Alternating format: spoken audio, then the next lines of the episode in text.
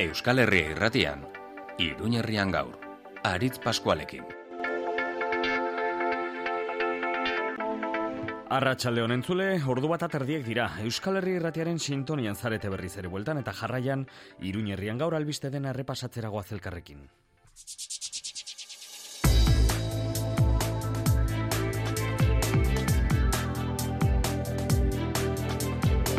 Saharako herriaren kontra Espainiako gobernuak egin duen norabide aldaketak Marokoren aldekinez, alderdi sozialistaren arrakala guztiak agerian utzi ditu. Nola defendatu orain herrien arteko elkartasuna, nola sustengatu orain laguntza eta herrera, Nafarroan hau bateko batasun politiko gutxi daude eta horietako batzen Saharaguien aldeko jarrera, Aste honetan Madrilek aginduta batasun hori apurtu du PSNek eta gaur alaxe leporatu diote parlamentuan Maria Txibite sozialisten burua denari. Txibite Nafarroak Saharara bidaltzen duen laguntza mantenduko dela ziurtatu du, baino ez da usartu bere alderdikide zenbaitek estatuko beste lurraldeetatik egin duten bezala Pedro Sánchezen jarrera salatzera. Alderdietako barne disiplina esaten zaio honi edo ez zaite sobera mugitu aulkiri gabe geratu zaitezketa. Atzo alderdi guztietako ordezkariek pesenekoak izan ezik hori bai, bat egin zuten Sahararekiko elkartasunaren aldeko plataformak deituriko manifestazioarekin, gobernuari Sahara huiendako autodeterminazioa eskatu zioten bildutakoek. Saharaz eta Nafarroko politika gintzan eta gizartean izan dituen ondoriotaz beraz mintzatuko gara gaurko albiste kontakizun honetan, baina martxoko hogeita laua den ostegun honetan berri gehiago dugu zuekin partekatzeko. Gaur berriz ere greba eguna dute adinekoen egoitzetako langileek. Ez da aurrera pausorik lenda biziko lan hitzarmenaren negoziak eta horretan, patronalak haien aldarrikapenei entzun egiten diela salatu dute sindikatuek, eguerdian elkarretaratzea egin dute eta arratsaldean manifestaziora dei egin dute iruñeko karriketatik. Beste greba bat ere gaur ikaslei eragiten diena, hezkuntza reformen kontrako protesta eguna deitu baitu ikaslea bertzaleak eta une honetan ari da bukatzen, iruñeko manifestazioa non eun kagazte bildu diren. Zuzenean joanen gara jarraian manifestazio osteko ekitaldian ari baitire ikasleak eta bertan da, loizunea matria gure lankidea. Dagoeneko bederatzireunta zazpi Ukrainiar errefusiatu heldu dira Nafarroara eta gobernu alanean eridak guztiei behar duten laguntza emateko. Eduardo Santos, migraziotarako kontxelariak azaldu du, une honetan lendabiziko arreta ematen ari zaiela, baina hau luzera joko duen krisialdia izanen dela, beraz, bestelako zerbitzuak ere aktibatuko behar, aktibatu beharko direla aurki. Ekozine film dokumentalen jaialdia abian da berriz, Iruñeko udalaren ingurumen eziketarako zerbitzuak antolatzen du eta aurtengoa bosgarren edizioa izanen da. Ingurumenarekiko respetu antolatzen dituzte jarduerak bada geltoki gunean, atzo irrintzi plaza saioan Katrin Ginea geltoki zarrean kokatutako espazioko koordinatzailearekin mintzatu gara, hiru itzordu interesgarri ditugu zuentzat. Badauek dira, ostegun goizonek utzi dizkigun albiste nagusiak, edukietan sartuko gara bere aldez aurretik dena den, eguraldiari ere erreparatuko diogu. Eguraldi, ona atxegina behintzat esan dezakegu gaur goizetikan, naiz eta temperaturek beruntzekin eta goizean hotza pasatu dugun. Ateri izan gara goiz osoan, odei altuekin eta eguzkia tarteka ikusteko ere aukera izan eh, dugu. Ez du ematen arratsaldean sobera okertuko denik eguraldia, euritantaren batek egin ies egin dezake, baina ez Sobera indartxu, aurrekuspena hobetuz doaz eta momentu zigandera bitartean euri arriskua iaia desagertu da guretik. Ostiraletik aurrera gainera eguraldiako berat eginen du, ostarte hauek zabalduko dira eta eguzkiaz gozatuko dugula. Ematen du honetan esan bezala ateri iruñerrian, odei altuak gure gainean, hemendik irrintzi dorreko gure terrazatik eh, ikus dezakegunaren arabera, eta amairu gradu markatzen ditu Euskal Herri erratiko gure termometroak. Ordu bata eta hogeita mabos minutu dira, Igor Eskudero otamendi teknikan gidari dugula asteragoaz. Iruñerrian gau.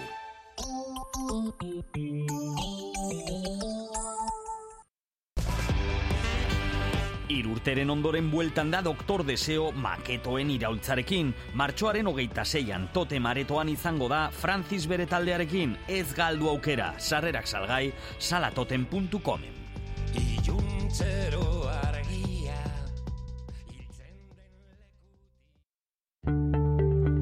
nola bizi dira gazteak euskaraz, ze erronka ditu euskarak. Ametxaranguren ibilbedi musika taldeko abeslaria begonia garaiko etxea gaztealdiko partaidea maitane jungitu geimerra eta unai dufur osasuna futbol taldeko jokalaria elkartuko ditugu galdera horiei erantzuteko. Berrogeita urte aurrerago, euskaraz bizitzeko autua solasaldia martxoaren hogeita maikan arratsaldeko seiterdietan iruñeko katakrak liburu dendan. Zatoz! Eluiar, berrogeita urte aurrerago.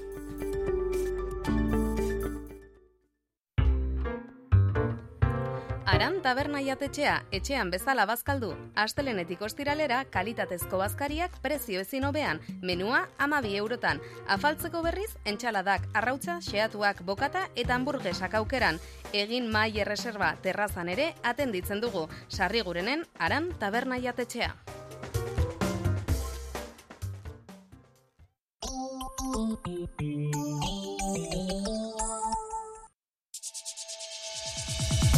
Iruñerrian gau, albisteak.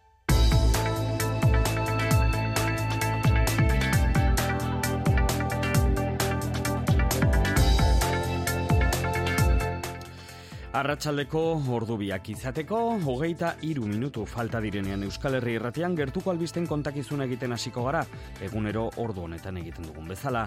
Gaur aldarrikapenen eta protesten jardunaldia dugu, hemen irunean, ordu honetan bukatzen ari da esate baterako ikasle abertzaleak sindikatuak deitutako ikasle grebaren manifestazioa, lan erreformen kontra kalera atera dira Euskal Herri osoan, eta esan bezala, iruñeko manifestazioa duela minutu eskaz amaitu da. Gertutik gaz gazten aldarrikapenak jarraitzen, loizunea materialankidea dugu, loizune eguerdion, zertan da, une honetan manifestazioa?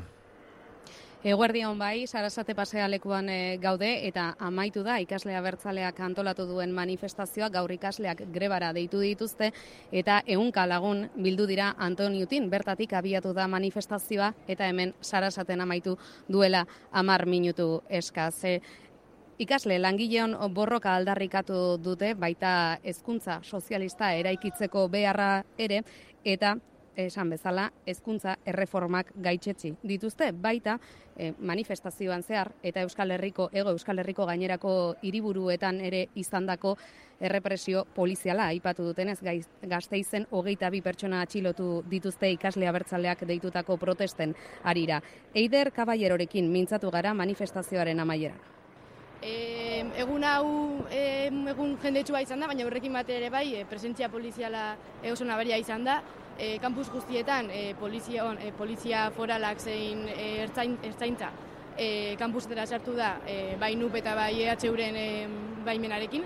Eta e, honekin batera, gazte izen e, salatu nahi dugu, gutxienez hogei atxilotu egon direla, e, egun honetan egin diren goizan zer egin diren ekintzen e, ondorio. E, horretara aparte, egun honetan baliatu nahi dugu e, salatzeko nola den ematen hezkuntzan dekadentzia prozesu bat, e, nola, e, azken finean, e, langile klaseak kanporatu izaten ari den hezkuntza hezkuntzatik, e, bai e, garestitza orokortu bat ematen ari delako, bai e, ba, kontrol mekanismoa gare ari delako, horrekin bai lotuta nola e, ikasen artean osasun mentalan ere bai okertze bat ematen ari den, Eta honekin nahi duguna da erremarkatu erreformek ez digutela balio. Erreformak ez azken gizarteak behar dituen beharrei modernizazioa ematen eskuntzan behar eta guk nahi duguna da eskuntza sistema sozialista eraiki hau da. E, kapitalismoaren baitan, e, baita ekologikaren aurka egon den beste eskuntza eredu bat e, Entzuterik izanen duzue imaginatzen dut, gainean e, dugu e, poliz, Espainiako poliziaren e, helikopteroa amaia kale hartu dutenean orduan areagotu da Espainiako poliziaren presentzia hemen iruñeko karriketan horrela amaitu da manifestazioa polizia zinguratuta eta horrela jarraitzen du une honetan sarasate pasealekuak, baino gazteak jada ez daude manifestazioan eta lasaitasuna da nagusi.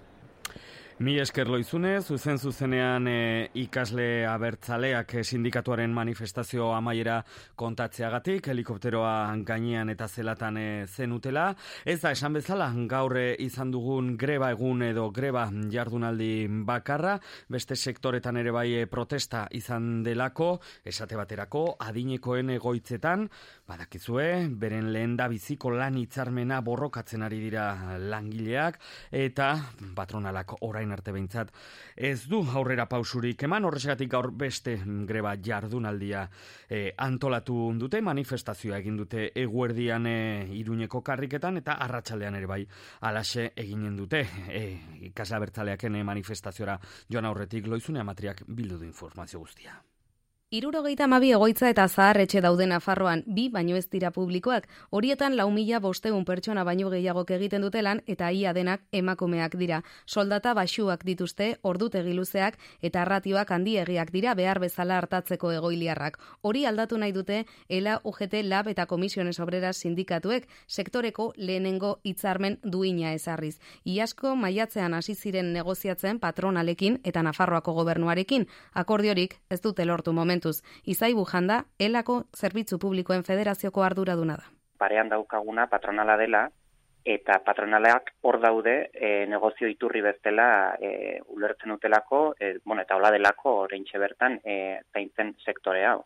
Eta horrela defendatzen dute euren postura e, horregati daude putrefuntsak e, sektore honetan eta horregati defendatzen dute ba, ekonomikoki e, bideragarri e, ez den e, proposamen bat ezin dela e, aurrera eraman. Ez.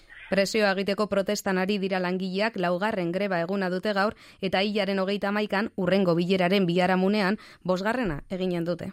E, pentsatzen dugu eta hori da gure helburua e, mobilizazio hauekin presioa areagotzea ditugun zailtasun guztiekin noski hemen ikusten dugu e, zerbitzu minimoak euneko eunekoak direla eta e, horrek e, eragozten du eta urratzen du baitere langile hauen e, greba eskubidea.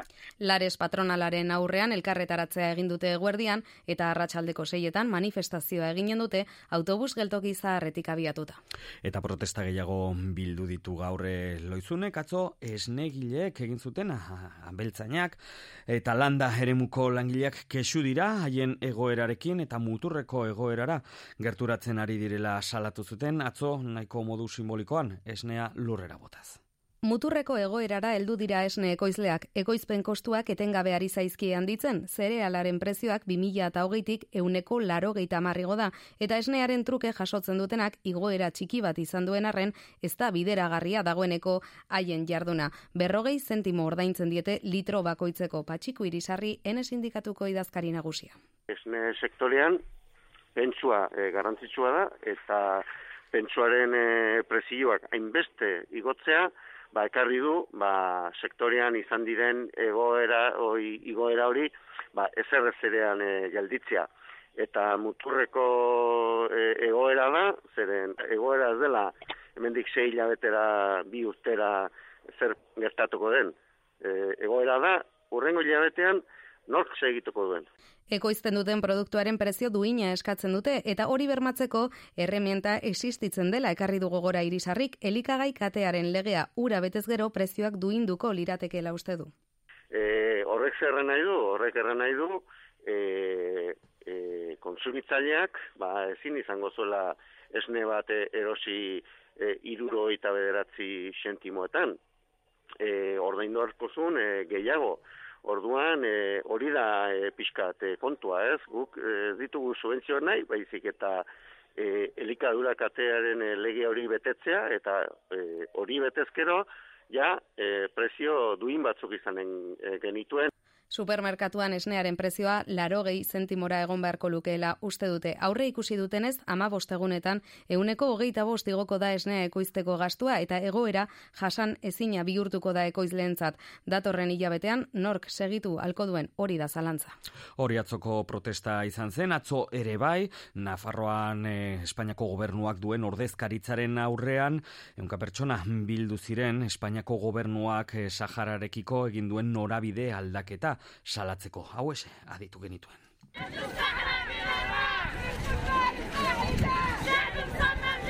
Autodeterminazioa eta askatasuna aldarrikatu zuten, bertan izan ziren Nafarroko parlamentuko alderdi ia guztietako ordezkariak, alderdi sozialistekoak ez baitziren eh, azaldu. Egun hauetan, Nafarroa eta Sahararen arteko lotura agerian geratzen ari da, gaur hain zuzen Sahararekiko jarrera aldaketa honek izan ditzazkeen ondorietaz solastu gara metropoli foralean, peio arginarenak egin digu kronika. Azken astean protesta franko izan dira Saharako herriaren alde, Espainiako eta Marokoko gobernuek sinatutako akordioa salatu dute hainbat herritarrek Saharako autodeterminaziorako eta independentziarako eskubidea aldarrikatu dute. Mundu bat fundazioko kide eneko gerrikabeitiaren hitzak entzun ditugu gurean, eta haren esanetan epe motzerako politika nagusitzen ari da, eskubideak alde batera utzita migrazioari aurre egiteko eneko gerrikabeitia. Politikaren kontzeptua justua, iraunkorra, humanoa, etikoa eta solidarioa izatea da. Baina esperientziak erakusten digu termino horiek postureo politikorako baino ez dutela balio. Errealitatea bestea baita.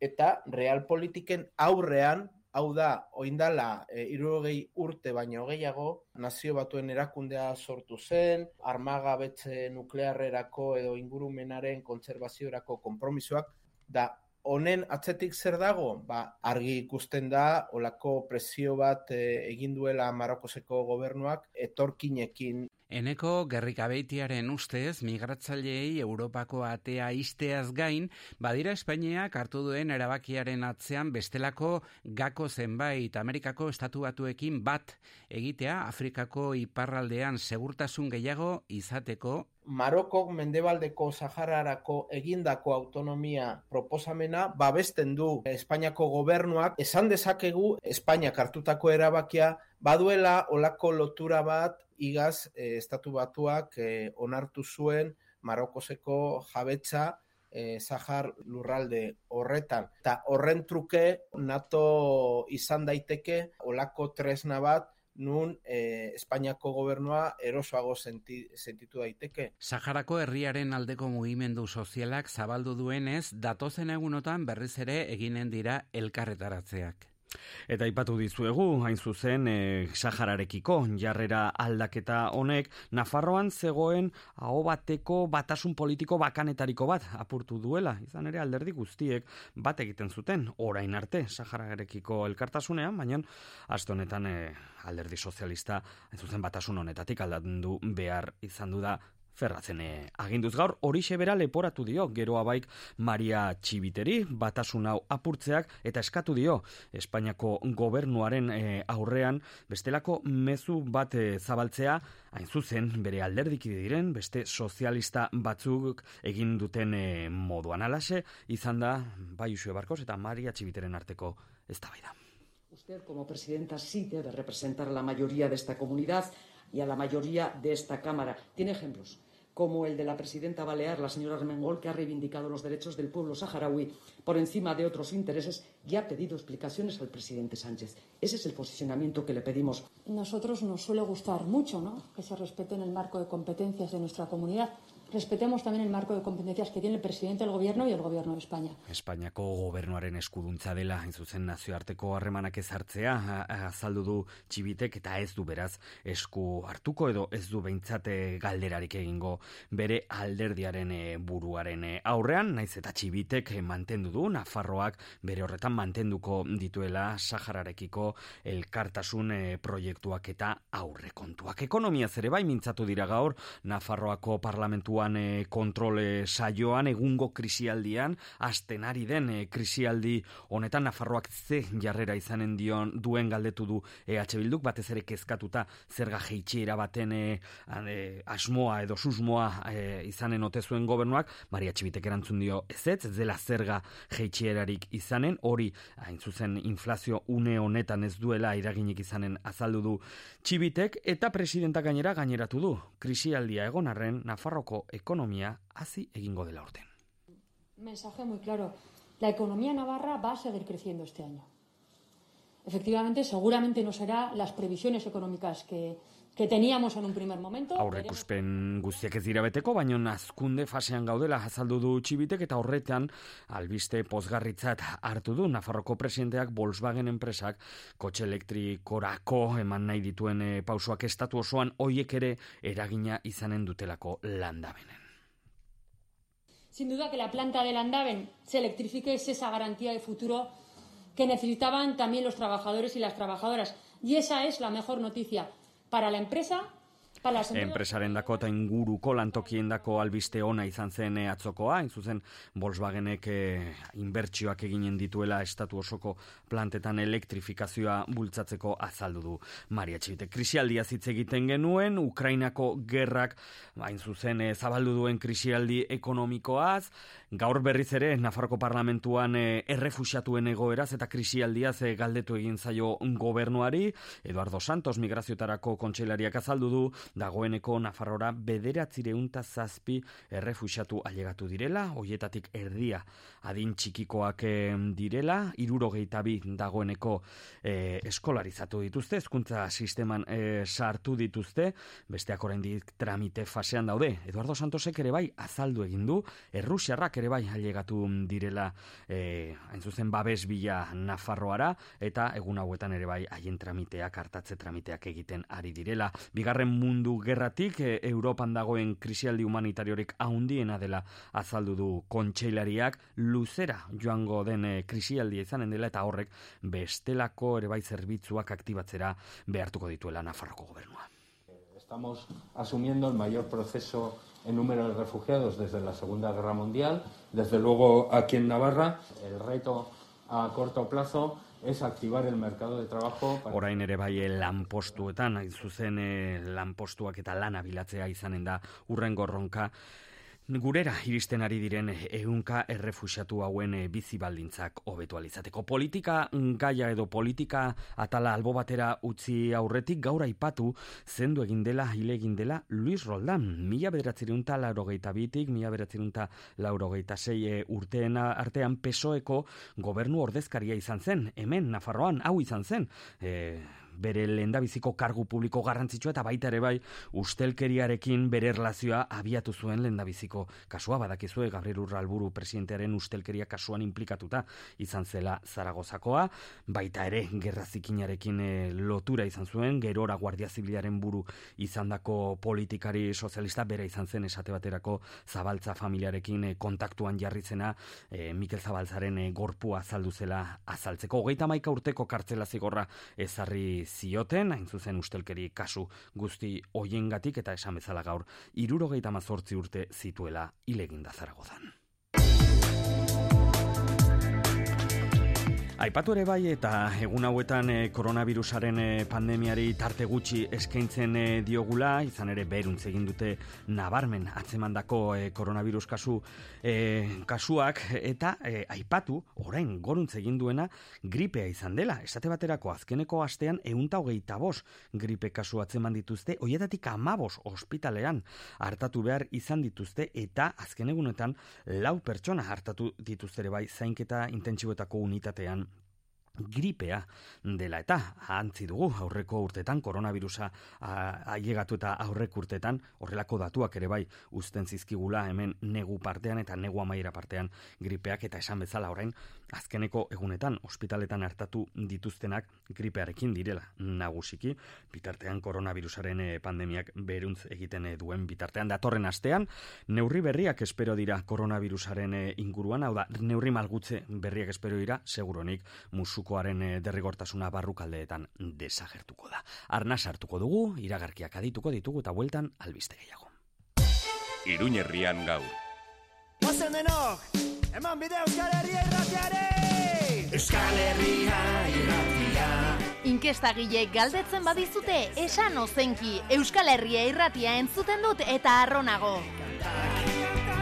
Egin dezazun bidea.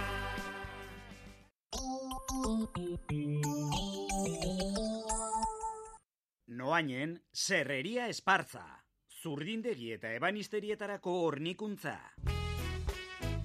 Altzariak, eskailerak eta upelak egiteko askotariko zura. Gaztainondoa, gereziondoa, lizarra, informazio gehiago, serreriaesparza.com webunean. Gure berezitasuna, aritza. Karrikiri kantolatuta nano antzerkiaroa, martxoaren hogeita lauan osteguna zazpiterrietan, karrikiri elkartean gorputz antzerkia eta komedia Xavier Artiedarekin. Sarrerak salgai karrikirin iru eurotan eta lau sarreren bonoa amar eurotan nano antzerkiaroa, Iruñeko udalak Nafarroko gobernuak eta Eusko Jaurlaritzak babestuta. Karrikiri, Iruñeko Euskaldunon topagunea Xavier Karrika lau. Carmen Kaleko herriko taberna, aste guztia irekia eskaintza paregabearekin. Eguerdietan eguneko menua edo asteburuko menu berezia. Gauetan karta zabala, entxaladak, bokatak, hamburguesak eta razioak. Ostegunetan gure talo mitikoak. Gainera, ardo karta berezia. Carmen Kaleko herriko taberna, Iruña.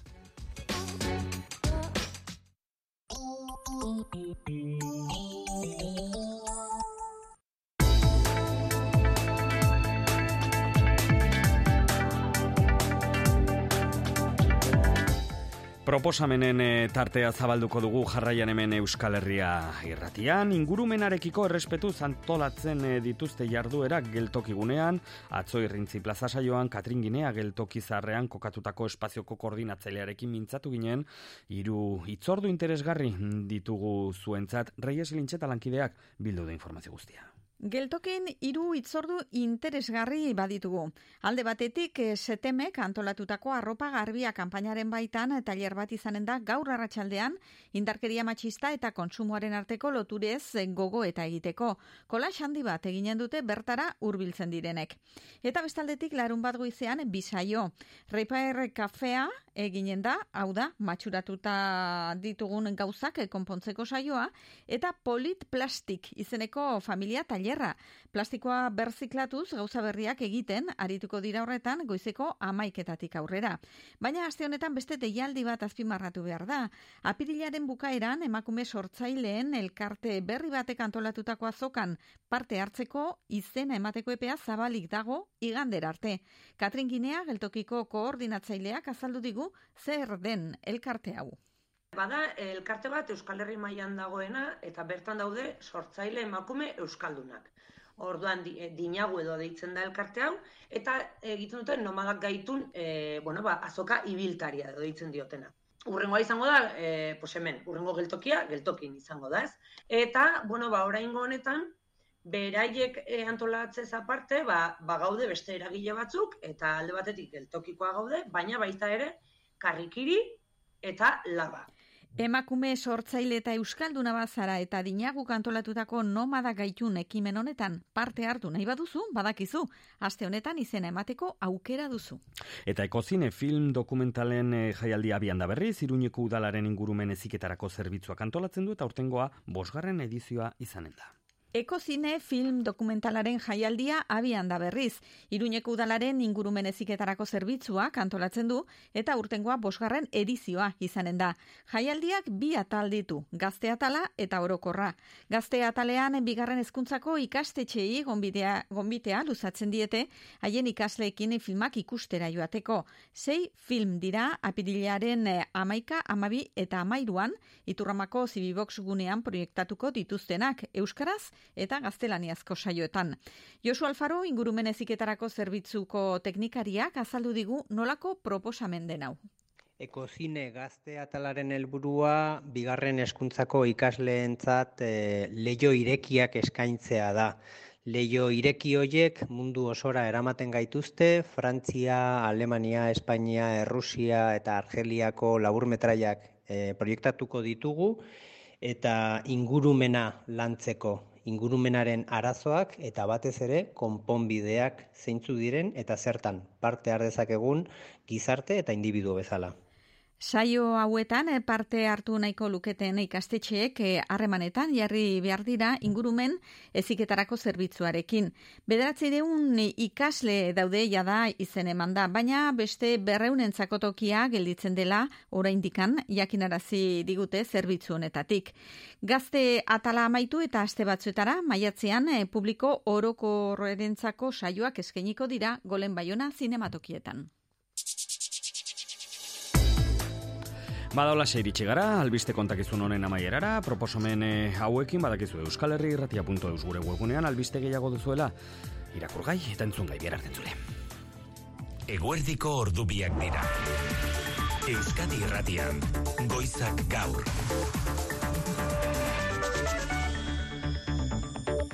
Arratsaldeon guztioi, Ukrainako gerrak hilabete egin duen egun honetan, oraintxe martxan diren bilerak ditugu harretagune nagusi, Brusel